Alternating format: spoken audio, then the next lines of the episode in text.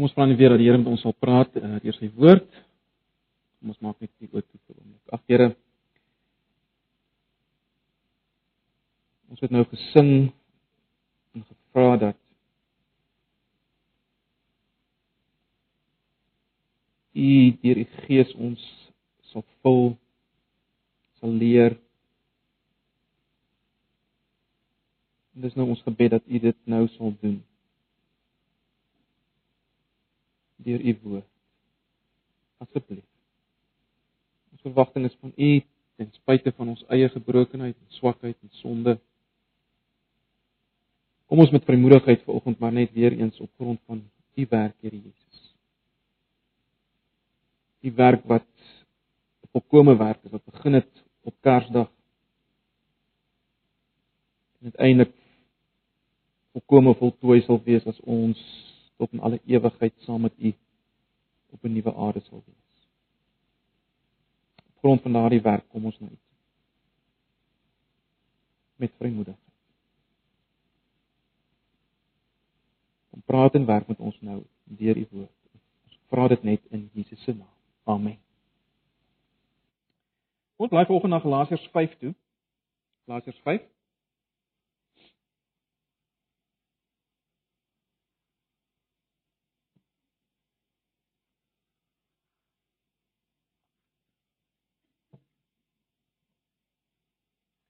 Ons sal saam lees vanaf vers 16.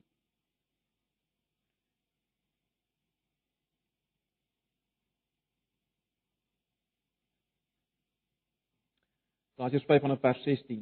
En wat ek bedoel is dit: Laat julle lewe steeds deur die Gees van God beheers word. Die ou vertaling het gesê wandel deur die Gees, nee, wandel deur die Gees. Laat julle lewe steeds deur die Gees van God beheers word, dan sal julle nooit soog voor die begeertes van julle sondige natuur nie. Vers 17 Wat ons sondige natuur begeer is in stryd met wat die Gees wil en wat die Gees wil is in stryd met wat ons sondige natuur begeer. Hulle of hierdie twee staan lynreg teenoor mekaar en daarom kan julle nie doen wat julle graag wil nie. Maar as julle julle deur die Gees laat lei, staan julle nie meer onder die wet nie. Die praktyke van die sondige natuur is algemeen bekend: onsedelikheid, onreinheid, losbandigheid, afgodsdiens, towery, vyandskap, haat, naaiwer, woede, rissies, verdeeldheid, skeuring, afguns, dronkenskap, uh, dronkenskap, uitspattigheid en al dergelike dinge. Ek waarsku julle soos ek julle al vroeër gewaarsku het, wie om aan sulke dinge skuldig maak, sal nie die koninkryk van God as erfenis verkry nie. Die vrug van die Gees daarin daarteenoor is liefde, vreugde, vrede, geduld, vriendelikheid, goedhartigheid, getrouheid, nederigheid en selfbeheersing. Teen sulke dinge is die wet nie. Die wat aan Christus Jesus behoort het, het hulle sondige natuur met al sy hartsogte en begeertes gekruisig. Ons lewe deur die Gees, laat die Gees nou ook ons gedrag bepaal. Ons moenie verwaand wees mekaar uittart of op mekaar afgunstig wees. Ons ons lees net so ver. Nou ja, broers en susters, jy kan dit nie glo nie, maar Kersdag is al weer verby. Kersdag 2014 is al weer verby. En ons het uh, donderdag mekaar hier gesê dat uh, ons ons dikwels op Kersdag en in die Kerstyd ons self probeer oortuig dat ons goed kan wees. En oor die algemeen, universeel, dink ek dis 'n tyd waarin mense hulle self probeer oortuig dat hulle hulle kan goed wees, en vriendelik wees en liefdevol wees en God kan selfs gelukkig met hulle wees terwyl hulle daar rondom die kersbome sit en hulle self dik eet. Nou. In die lig van wat ons vanoggend gelees het, ons wil onsself op Kersdag en in Kerstyd probeer oortuig dat ons Galasiërs 5 vers 22 kan nakom. Luister, liefde, vreugde, vrede, geduld, vriendelikheid, goedhartigheid, getrouheid, vers 23, nederigheid en selfbeheersing. Ons wil onsself oortuig Ons ons kan hierdie dinge doen. Maar en ons ons voel nê op daai dag voel mens dikwels jy jy kry dit nog wel reg. Maar dan kom die 28ste en die 1ste en die 20ste. En dan lyk ons lewens baie meer soos vers 20 van Galasiërs 5. Kom ek haal net 'n paar uit hier. Luister. Vyandskap, haat, naaiwer, woede, rissies, verdeeldheid, skeuring. Is dit nie is dit nie baie bekend nie? Ons almal wat vanoggend so seerig hier sit, ons ken dit. Daar's natuurlik selfs te midde van al die skyn en vreugde van Kersfees, is daar ook baie van van dit wat ons in vers 19 van hoofstuk 5 lees. Onsedelikheid, onreinheid, losbandigheid en so meer. Met ander woorde, broers en susters, ons het mekaar gesê donderdag dat Kersdag en hierdie verskynsel waarna ons nou gekyk het, die feit dat dat ons dink ons kan, maar ons kan nie. Kersdag laat die kollig val op ons probleem. Kersdag en Kerstyd sê vir ons ons het 'n probleem. En ons het gesien dat uh God iets gedoen het aan hierdie probleme. Dis wanneer ons gekyk het op Kersdag. Ons het uh, dit gedoen aan die hand van Romeine 8, onthou julle. En ons sien in Romeine 8 vers 3 God het iets gedoen. God het iets gedoen. Ons sien in Romeine 8 vers 3 die wet kon iets nie doen nie. Die wet, daai hele stelsel wat God gegee het in die Ou Testament, al die voorskrifte, al die stipulasies, wonderlike dinge wat hy gegee het vir die volk, kon iets nie doen nie. Dit kon nie veroorsaak dat die mense werklik lewe nie. Uh, dit het lewe beloof sê Romeine 7 vir ons. Maar maar daai stelsel kon dit nie gee nie. Hulle kon nie die vrug voortbring wat God wou gehad het nie. Dink aan Jesaja 5 en die wingerd van God wat misluk het. God het gedink daar gaan vrugte wees, maar daar was nie. Hierdie hele stelsel kon nie lewe bring 'n verhouding met God en 'n verhouding met mekaar soos wat daar was aan die begin nie. Dit het misluk. Romeine 8 vers 3 sê vir ons God het nou iets gedoen wat daai wet nie kon doen nie. En hoe doen hy dit wel? Dis die boodskap van Kerstyd, né? Nee. Jesus word mens en in Jesus word die eintlike probleem aangespreek. Wat is die eintlike probleem? Nie die wet nie, nie die stelsel nie, sonde in ons. Ons sondige natuur, ons sonde. Dis die dis die probleem, die sonde in ons. En ons het mekaar gesê, dis wat God gedoen het. Hy laat Jesus kom met 'n baie spesifieke doel, een doel, naamlik handel met hierdie sonde. Ons het dit beskryf as 'n virus, onthou julle. Wis hierdie virus uit en daar was net een manier, hy moes sterf en op 'n sekere manier moes moes hy almal van ons op hom oordra. Met virus en al, sodat ons saam sterf en 'n nuwe mens kon opstaan. Dis die enigste manier hoe hy daarmee kon handel. Ons het daarna gekyk. Ek wil nou weer daarop uitbrei. Die belangrike ding is wat ons mekaar gesê het, die gevolge van dit wat God gedoen het. Waarvan Kersfees die begin was, die gevolge daarvan is dat ons nie meer onder veroordeling staan nie, Romeine 8 vers 1. Daar's daar's nie meer veroordeling. Ons staan nie meer skuldig aan dit wat ons nie kan doen nie want Jesus het die straf gedra. Miskien net so goed, né? Nee. Daar's geen veroordeling meer nie. Dis die eerste ding wat uh, die eerste gevolge van wat Jesus kom doen het. En dan baie belangrik. Hulle sal onthou dan vers 4 tot 6 van Romeine 8 het ons gesien, lewe en vrede is nou moontlik vir die wat die Gees nou het. Sodat iets anders ook gebeur. God het nie net gehandel met die sondeprobleem nie. Hy het ook sy Gees gegee. Hy gee vir sy kinders, vir Christene, sy Gees. En ek wil hê ons moet vanoggend bietjie hieroor nadink. Die vraag wat ek wil hê ons moet vanoggend vra is dit, maar maar goed. Hierdie gees wat ons nou ontvang het. Werk dit outomaties? Veroorsaak dit outomaties dat ons nou kan lewe? Dat ons nou kan vrug dra wat wat die wetstelsel nie kon produseer wat Israel nie kon produseer nie. Werk dit outomaties so want as ek na myself kyk, dan lyk dit nie so nie. En as ek kyk na my broers en susters rondom my, dan lyk dit ook nie altyd so. So so hoe werk hierdie ding? Hoe werk hierdie storie?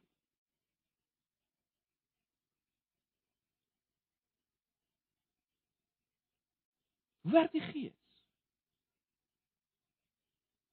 En dis wat Paulus hier aanspreek in die gedeelte wat ons gelees het, né? Nee, Paulus gee 'n antwoord hierop in Galasiërs 5. Spesifiek vers 16 tot 18. Paulus sê die geheim om hierdie lewe voor te bring waarvan Romeine 8 ook praat, die geheim om om vrede, werklik vrede en liefde elke dag te vertoon te laat sigbaar word. Die geheim sê hy vers 16 is dit: Laat julle lewe steeds deur die gees van God beheers word. Of as jy 53 vertaling het, wandel deur die Gees. Laat julle lewe steeds deur die Gees beheers word of wandel deur die Gees.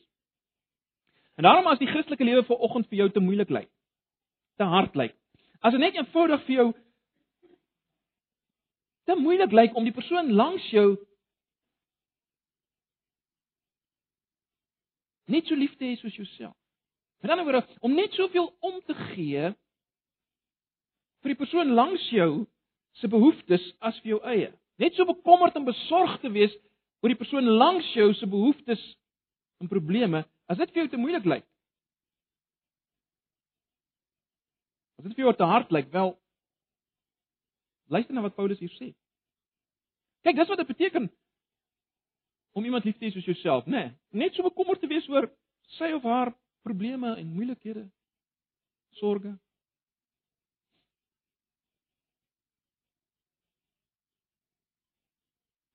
Wat sê Paulus? Paulus sê hierdie liefde hierdie liefde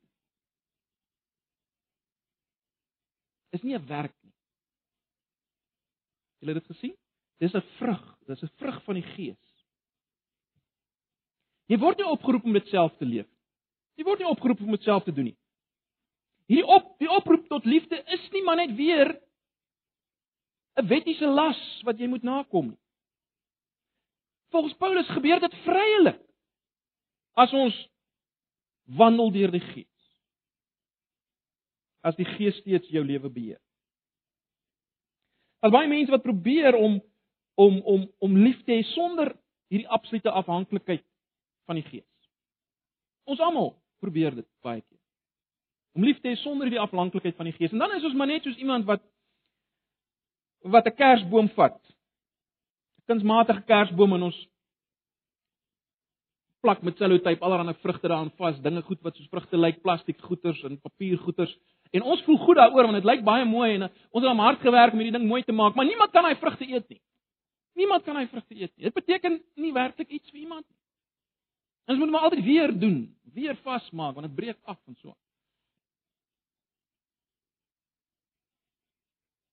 Broers en susters, dis nie werklik liefde nie, is dit? Maar dit is net eenvoudig nie vir ons maklik om lief te hê nie. Net eenvoudig nie vir ons maklik nie. Die goeie nuus hier is dat dit nie primêr ons werk is nie om lief te hê nie. Dis nie primêr ons werk. Dis God se. Ons moet bloot leer om te wandel deur die Gees of of dan om die Gees toe te laat om ons te beheer. Afhangende van watter vertaling jy het. En ek wil hê ons moet nou vir oggend en volgende Sondag kyk na hierdie hele saak onder onder drie hoofde. Ons ek wil hê ons moet die vraag vra: Wat is hierdie wandel deur die Gees soos die 53 vertaling dit stel of dan beheers word deur die Gees. Wat is dit? Hoekom moet ons dit doen? Hoekom hoekom is dit belangrik? Wat is dit? Hoekom is dit belangrik? En dan wil ek ons met volgende Sondag kyk. Maar hoe gebeur dit prakties? Hoe lyk dit prakties? Hoe lyk dit prakties? Wanneer die of hoe laat jy toe prakties dat die dat jy wandel deur die Gees dat die Gees van God jou beheer. So dis waarna ek wil kyk uh, vir oggend en volgende sonoggend. So kom ons kyk aan die eerste vraag. Wat is die wandel deur die Gees of dan die beheer word deur die Gees soos die nuwe vertaling dit stel? Wat is dit? Nou daar's twee ander beelde wat uh, Paulus hier gebruik wat 'n bietjie lig werp op hierdie wandel deur die Gees of hierdie beheer word deur die Gees. Die eerste is in vers 18. Kyk na vers 18. Maar as julle julle deur die Gees laat lei, staan julle nie meer onder die wet. Baie interessant. Paulus sê nie julle moet die Gees, hy sê nie net julle moet die Gees volg nie. Dit sou nie verkeerd wees nie, Maar hy hy wil die klem laat lê weer eens, baie belangrik. Hy beklem toe die Gees se werk in die ons in. En dan oor wat as ware sê, die Gees lei ons nie soos soos wat jy nou in 'n ekspedisie 'n motor kry wat voorry en dan al die ander motors van hierdie ekspedisie ry agter hom aan nie. Dis nie hoe die Gees ons lei nie. Die Gees lei ons meer soos 'n lokomotief sy waans lei. Die waans is ingehaak by die lokomotief. Dis die gedagte. Laat julle lei. So dis die eerste beeld. Jy moet ingehaak wees by hom om te gaan waar waarheen hy lei. Natuurlik uh die Gees is nie iets onpersoonliks soos 'n lokomotief nie, hy's 'n persoon. So jy moet ingehaak wees by hierdie persoon van die Gees. Maar goed, belangrik vir eers net uh dis die eerste beeld wat vir ons help om te verstaan wat is hierdie wandel deur die Gees of beheers word deur die Gees. Jy moet jou laat lei, jy moet ingehaak wees by hom. Die tweede beeld wat uh, Paulus gebruik is natuurlik in vers 22. As hy sê die vrug van die Gees daarteenoor is liefde, vreugde, vrede, geduld en so voort. Weerens word die Gees se werk beklemtoon, né? Nee. Hy praat nie van die werk van die Gees nie. Dis interessant, hy praat van die werk van die vlees, maar hy praat van die vrug van die Gees. Dis iets wat die Gees dra. Nee, die klem word daarop gelê. Waarskynlik het Paulus sy beeld van Jesus gekry. Dink net weer aan aan Jesus se beeld in Johannes 15. Ek is die wingerdstok, baie belangrik. Ek is die ware wingerdstok. Daar was 'n wingerdstok Israel wat nie die vrug kon dra wat God wou nie. Ek is die ware wingerdstok. Ek kan die vrug dra wat God wil hê So bly in my. Bly in my. Sorg dat jy in my bly. Wandel in die Gees is niks anders as om in die wingerd te bly nie. Maar net 'n ander manier om daaroor te praat, né? Nee. So baie belangrik, moet jy nie afsny van die vloei van die Gees as jy as, as jy dit so wil stel. Sorg dat jy in die Gees is sodat die Gees se sap vrug kan dra deur jou. Dis die dis die gedagte. So wat is die antwoord op ons eerste vraag? Wat is die wandel van die Gees? Wat is die beheers word deur die Gees? Wel, dit beteken in die eerste plek om gelei te word deur die Gees en om die vrug te dra van die Gees. So die werk van die Gees word beklemtoon. Dis baie belangrik. Die werk van die Gees word beklemtoon, maar ons word tog ook beveel om iets te doen. Al is dit nie heeltemal eksplisiet nie. En dit is baie belangrik om dit te sien. My wil en jou wil is betrokke. In ander woorde, Jy moet begeer. Jy moet wil hê om aangehaak te wees in die lokomotief. Jy moet wil bly in die wingerd. Jy sien dis baie belangrik. Dit is uiters belangrik. Hierdie goed gebeur nie outomaties nie. Daar is sekere dinge wat ons kan doen en sekere dinge wat ons nie moet doen nie. Wat veroorsaak dat ons gelei word deur die Gees en wat veroorsaak dat die Gees sy vrug dra. Nou as as die Here wil, sal ons volgende Sondag meer prakties daaroor nadink. So al wat ek wil hê ons moet volgende net dit sien. Hierdie twee dinge, naamlik ek moet gelei word die vrug moet sy gees eh, eh, die die gees moet sy vrug dra en ek moet in die wingerd bly. Dis is belangrik. Dis wat dit beteken om uh, te wandel deur die gees of dan om toe te laat dat die Gees my gedrag bepaal. Die tweede vraag wat ons net vanoggend wil vra is: Waarom is dit so kardinaal belangrik om te wandel deur die Gees? Waarom is dit so belangrik uh dat die Gees ons gedrag moet bepaal? Wel, weer eens is daar twee antwoorde, die een in vers 16 en die een in vers 18. Een in vers 16 en een in vers 18. Kom ons kyk nou net na vers 16. Wat ek bedoel is dit, laat julle lewe steeds deur die Gees van God beheers word of wandel deur die Gees. Dan sal julle nooit soeg voor die begeertes van julle sondige natuur nie. So hier's die eerste rede waarom dit so belangrik is. Belangrik om te wandel deur die Gees of om te klaar dat die Gees jou beheer. Want dan sal jy nie soeg voor die begeertes van jou sondige natuur nie. Nou eh, net iets oor die sondige natuur. Die sondige natuur verwys nie net na die fisiese sy van ons nie. Dit verwys na daai natuurlike binneste jy wat jy is as jy gebore word. As jy wil jou jou ego, jou ek. Daai ek wat probeer om myself te bevredig met enigiets anders behalwe God se genade. Enigiets anders. Van selfone tot rekenaar tot vakansies tot enigiets, enigiets behalwe God. Dis die self, die ek. Nou, baie interessant. Kom ons kyk na twee gedeeltes. Vers 24 van Galasiërs 5 en dan wil ek ook hê ons moet kyk na Galasiërs 2 vers 19 en 20. So miskien kan julle net 'n vinger kry by Galasiërs 2 vers 19 en 20 ook. En dan lees ons net hierdie twee saam.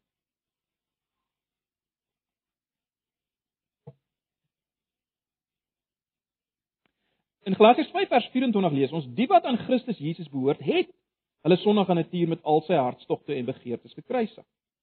Kyk dan vir Galasiërs 2 vers 19 en 20. Maar wat my betref, deur die wet is ek vir die wet dood sodat ek vir God kan lewe. Ek is saam met Christus gekruisig. Let wel, ek is saam met Christus gekruisig. En nou is dit nie meer ek wat lewe nie, maar Christus wat in my lewe. Die lewe wat ek nou nog hier leef, leef ek in die geloof in die seun van God wat sy liefde vir my bewys het deur sy lewe vir my af te lê. Nou ek wil net hê ons moet eers hierdie een ding raak sien. sien julle in vers 24 is dit die sondige natuur wat gekruisig is?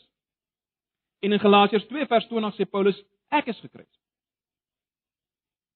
En daarom kan ons sê dat die sondige natuur in sy negatiewe sin is maar net 'n uitdrukking van van die ek, die ou ek. Die ou ego. En baie belangrik Paulus sê die ou vleeslike ego, sondige natuur, ego, uh, ego is gekruisig en daar's nou 'n nuwe ek wat leef en die uitstaande ding van hierdie nuwe ek is dat hierdie nuwe ek leef deur die geloof in die seun van God wat hom vir myself gegee het en ek wil hê ons ons moet volgende Sondag bietjie meer daarby stil staan want dit is belangrik as ons kom by die prakties. Maar goed, wat ons moet raak sien is dat die sondige natuur of die ek of die ego is daai deel wat wat 'n leegheid voel maar wat homself wil bevredig deur enigiets anders as deur die geloof. Hy wil nie afhanklik wees van God nie. Hy wil homself bevredig op wettelose maniere, met ander woorde, al wat 'n sondige verkeerde ding is, daarmee wil hy homself bevredig of hy wil wetties raak en vir homself reëls en regulasies opstel en hy wil homself daardeur bevredig.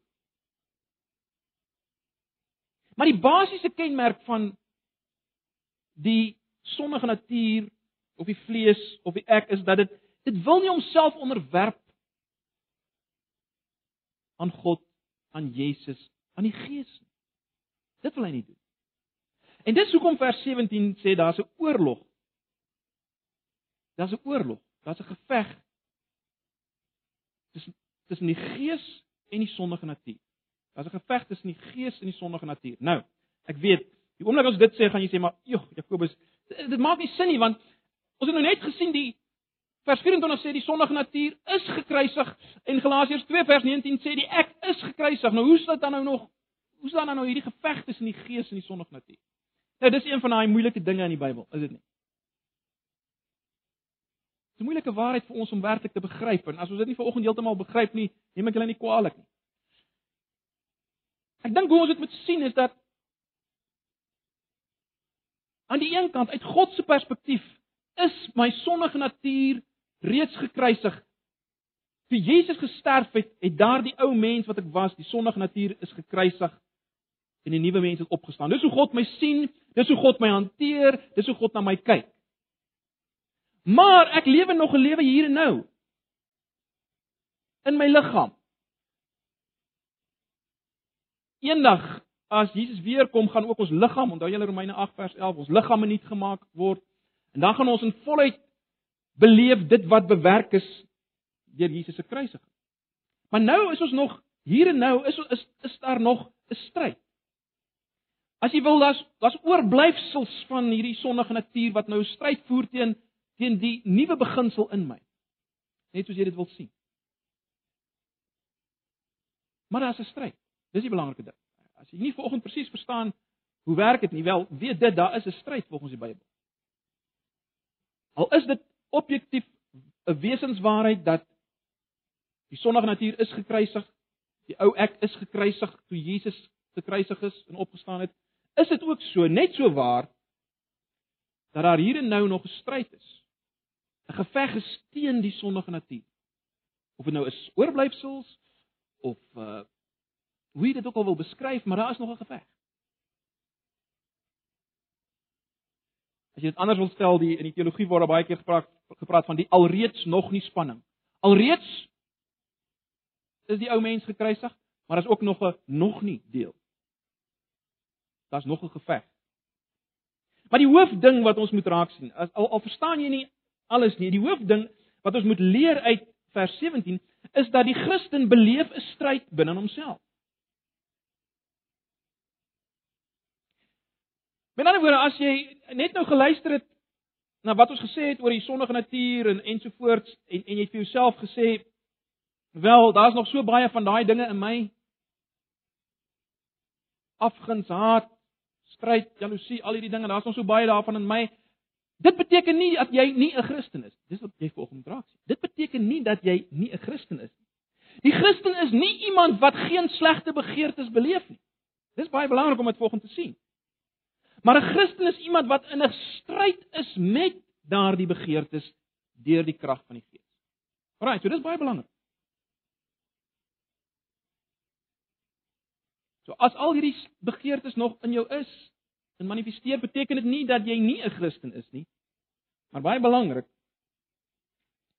jy beleef as Christen 'n oorlog met hierdie begeertes. Met ander woorde, konflik, konflik hier in jou binneste is nie 'n slegte toestand nie. Natuurlik verlang ons na daai dag wanneer daar geen konflik meer gaan wees nie, wanneer ons liggame nuut gemaak gaan word. Maar daar's iets baie erger nou, as ek dit so kan stel. Daar's iets baie erger nou as die konflik wat ons beleef, die oorlog wat ons in onsself beleef. Weet julle wat is daai baie erger ding? Dis as jy geen oorlog beleef nie. As jy geen stryd in jou binneste beleef nie, dis die erge ding. Dis die erge ding. Want dan moet jy vir jouself afvra, maar is die Gees in my? Is daar 'n nuwe ek? Of het die sondige natuur absoluut beheer oor alles?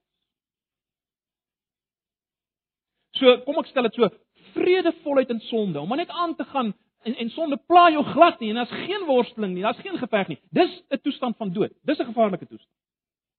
Die Gees het gekom om oorlog te voer met die vlees hier op aarde terwyl ons hier is. Interessant, Romeine 6 lê ook klem op die feit dat dat die stryd hier is. Nee, dis hier waar ons nog moet doodmaak. Ons kan amper sê daar in die geestelike riem is ons klaar nuwe mense, maar hier hier is nog 'n geveg. En dis waarvoor die Gees daar is. Weerens, die teken dat jy bewoon word deur die Gees is nie dat jy geen slegte begeertes het. Die teken dat jy bewoon word en dat die Gees van God in jou is, is nie dat daar geen slegte begeertes in jou is. Moenie dink, nee maar kyk, hierdie slegte begeertes wat ek in my het, die Gees kan nie in my wees nie. Nee, nee, nee, nee. Die Gees kan in jou wees. Die vraag is is daar 'n stryd? Dis die punt. Is daar 'n stryd? Is daar 'n stryd? As ons vers 16 en 17 saamvat, dan is dit baie duidelik dat die hoofpunt en dit is belangrik, die hoofpunt is dat daar oorwinning is. Daar's oorwinning. Sien julle vers 16? Dat vers 16 sê dat as jy deur die Gees wandel of as die Gees jou lewe beheers, sal daardie slegte begeertes nie tot volwassenheid kom nie.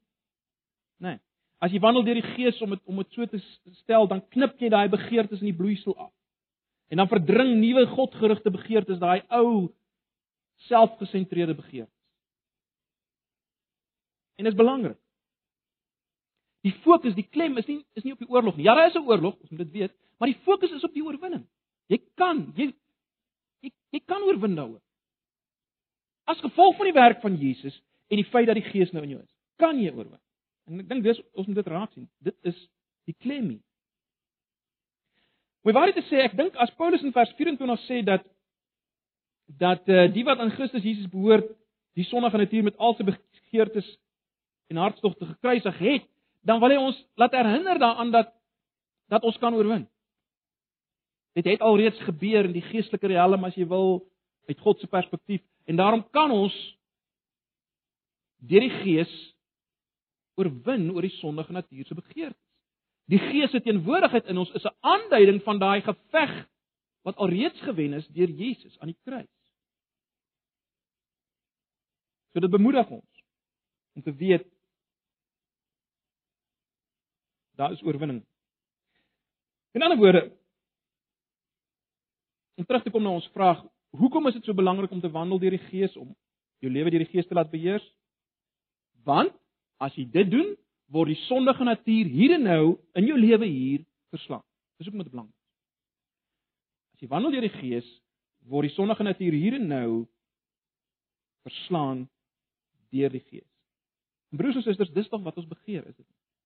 Dis dis tog wat ons begeer as Christene. Dit dis wat jy behoort te, be, te begeer as Christen bo alles, bo alle dinge. Om oorwinning te hê oor oor oor daai dinge wat so uitkom uit jou uit. Wat jy dink ons nie weet waar op aarde kom dit nog vandaan nie. Wel, ons sien dit nou. Selfs al het jy die gees van God in jou binneste, hierdie goed gaan nog daar manifesteer. Die sondige natuur gaan sigbaar word hier en nou in jou kom ons noem dit sterflike liggaam waarin ek en jy is. Maar oorwinning is moontlik. Daar is 'n verskil tussen my en jou as Christene en die nie-Christen. Die nie-Christen wat nog veroordeel gaan word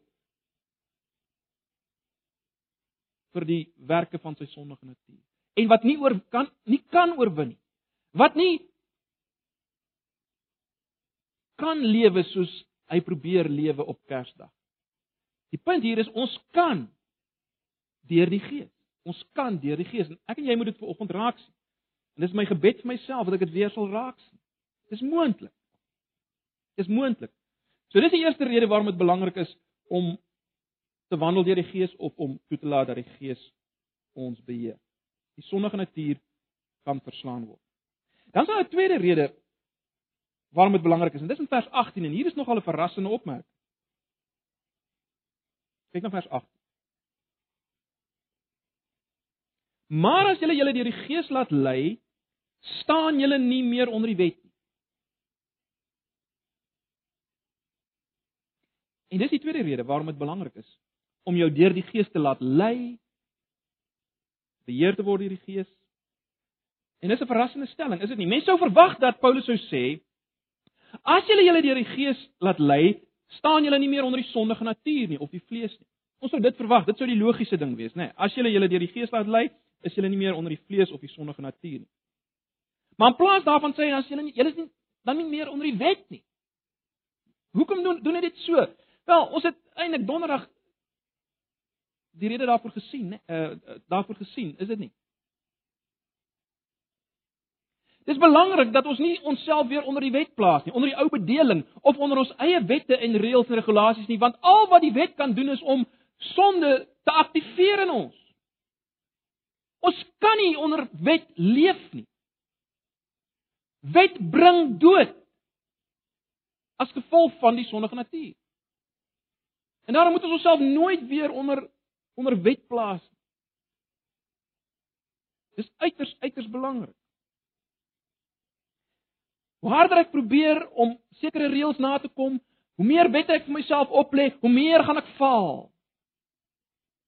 Hoe meer gaan die sondige natuur triomfeer. Die sondige natuur triomfeer onder die wet. Hy geniet die wet. Wat dit aktiveer. Ek weet ek mag dit nie doen nie, dan doen ek dit nie. Dis hoe dit werk. Nie maar iets fout is met die wet nie as gevolg van die sondige natuur. En dis hoekom dit so belangrik is dat Paulus sê as julle julle deur die Gees laat lei, is julle nie meer is julle onder hierdie nuwe stelsel, dan is julle nie onder daai ene nie. Want daai ene bring die dood. Jy sien die resultaat van as ek onder die wet is en die resultaat van lewe onder die sondige natuur is dieselfde. Albei maak my skuldig voor God. Dit verdoem my. Ek staan skuldig voor God want ek gaan die wet verbreek. Ek gaan die wette wat ek vir myself oplê ook verbreek. So dit verdoem my, net soos die sondige natuur my verdoem. En daarom is dit uiters belangrik om te sien uh wat Paulus hier sê. Hy sê die sondige begeertes kan nie deur die Christen oorwin word deur onder die wet te bly. Kan nie die sondige begeertes oorwin deur vir jou reëls en regulasies. Ek mag net nie dit nie. Ek moet net nie dat nie. Ek gaan sorg dat ek dit doen en ek gaan dit harder doen. Jy gaan nie die sondige begeertes oorwin nie. Jy gaan nie die sondige begeertes oorwin nie. Broers en susters, ons moet dit vir eens en altyd sien. Die wet is nie die oplossing vir die stryd teen die sondige natuur nie. Die oplossing vir die stryd teen die sondige natuur is om gelei te word deur die Gees. Dis die heerlike van die nuwe verbond.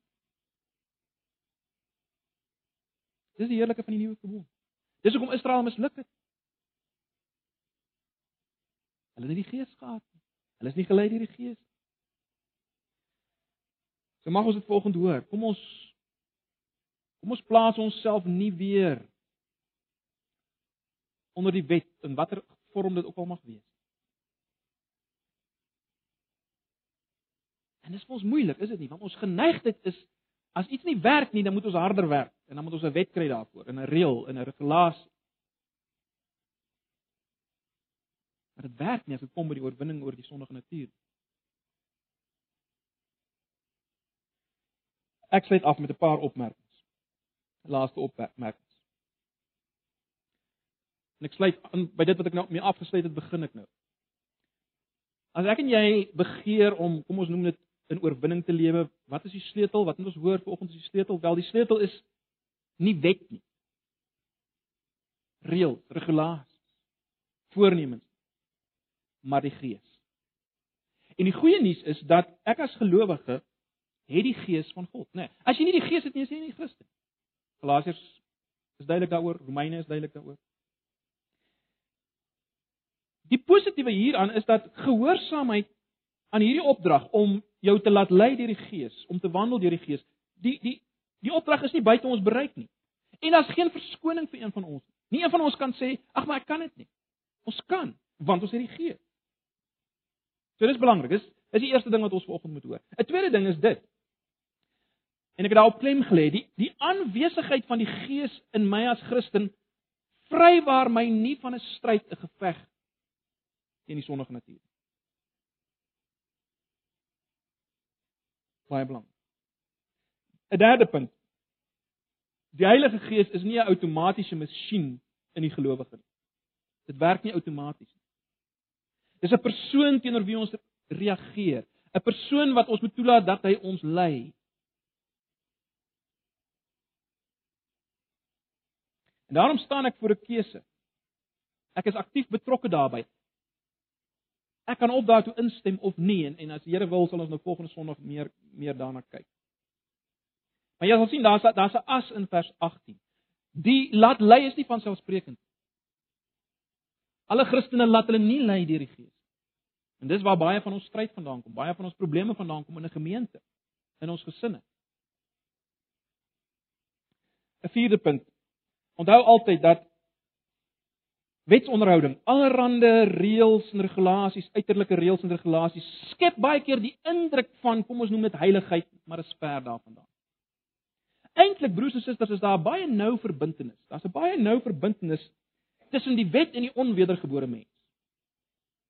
Tussen die wet en die nie-Christen. Die nie-Christen val baie graag terug op wet want dit salp sy gewete. As hy allerlei goeders kan doen, dan voel hy baie goed daaroor. Ek sê weer, die nie-Christen hou van die wet. Dink aan die Fariseer in in in Lukas 18. Ek dank U dat ek nie soos hierdie sondaar is nie. Kyk, ek doen dit en ek doen dit en ek doen dat en ek doen dat. Hy hou van die wet. Hy hy troos homself daarmee. Daar's 'n noue verbintenis. Dis nie wet en die onwedergebore mens. Natuurlik, aan die ander kant is dit so dat die dat die uh Die onwedergebore mens wil ook na die ander kant toe gaan. Hy hy hy hy, hy soek om dinge te doen waarteen daar nie 'n wet is nie. Kyk, daar's nie 'n wet wat sê ek ek ek mag nie 10 ure televisie kyk nie, so ek doen dit. Want daar's nie 'n wet so hy buite dit ook uit. So hy troos homself deur die dinge wat hy doen want hy kom dit na, hy kom die wet na, so hy troos hom daardeur. Hy voel goed daaroor, maar hy voel ook goed as hy dinge doen waar waarteen daar nie 'n wet is nie. So hy gebruik ook die wet so. Ag nee, maar daar's mos nie 'n wet wat sê ek mag nie dit doen nie. Dan vloei goed, dan kom hy weg. Dis die dis die onwedergebore mens se manier van lewe. Wat ek en jy moet sien vanoggend is dat die Christelike lewe, as jy wil, noem dit Christelike etiek, is totaal iets anders. Dis nie maar net 'n middeweg tussen wettisisme en losbandigheid. Hoor ons dit? Die Christelike lewe of etiek is nie maar net 'n middeweg tussen wettisisme en losbandigheid nie. Dis 'n totaal nuwe weg, broers. Ons weet dit, maar ons moet dit weer hoor vanoggend. Dis 'n totaal totaal nuwe weg wat beide foute uitskakel. Skakel wettisisme uit en losbandigheid uit. En dit lei tot 'n absolute dieper heiligheid. Dit lei tot 'n doen van die wil van God, want ek laat my lei deur God se gees. Die iemand weet wat God wil, wat God se binneste, wat God verlang. As ek inhak by hom en ek laat my lei deur hom en hy dra sy vrug deur my. Ag broers en susters, ek sluit af natuurlik kan die Gees alleen begin werk en as die Here wil sal ek volgende Sondag daarop fokus. Die Gees kan natuurlik net begin werk as Jesus Christus die gekruisigde kosbaar is in my lewe. As ek leef deur die geloof in hom elke dag. As ek hom omhels, as ek hom eer. Maar ons sal volgende Sondag meer daarna kyk. Mag die Here ons help om om dit wat ons vanoggend gehoor het te verstaan, te omhels, te vat sodat ons uh in hierdie tyd na Kersfees al meer die vrug van die Gees sal kan openbaar. Kom ons bid saam. Here baie dankie vir die woord. Ons weet dat ons waarskynlik nie daarna reg geskied soos ons moet vanoggend nie. Maar wil U ons wil ten minste vanoggend beweeg om te wil ingehaak wees by U om te wil hê dat U vrug deur ons gedra word om te wil bly in die wingerd. Asseblief, Here, ek bid dit vir myself in die eerste plek en vir elkeen van ons. Asseblief. In Jesus se naam. Amen. Ons sluit af.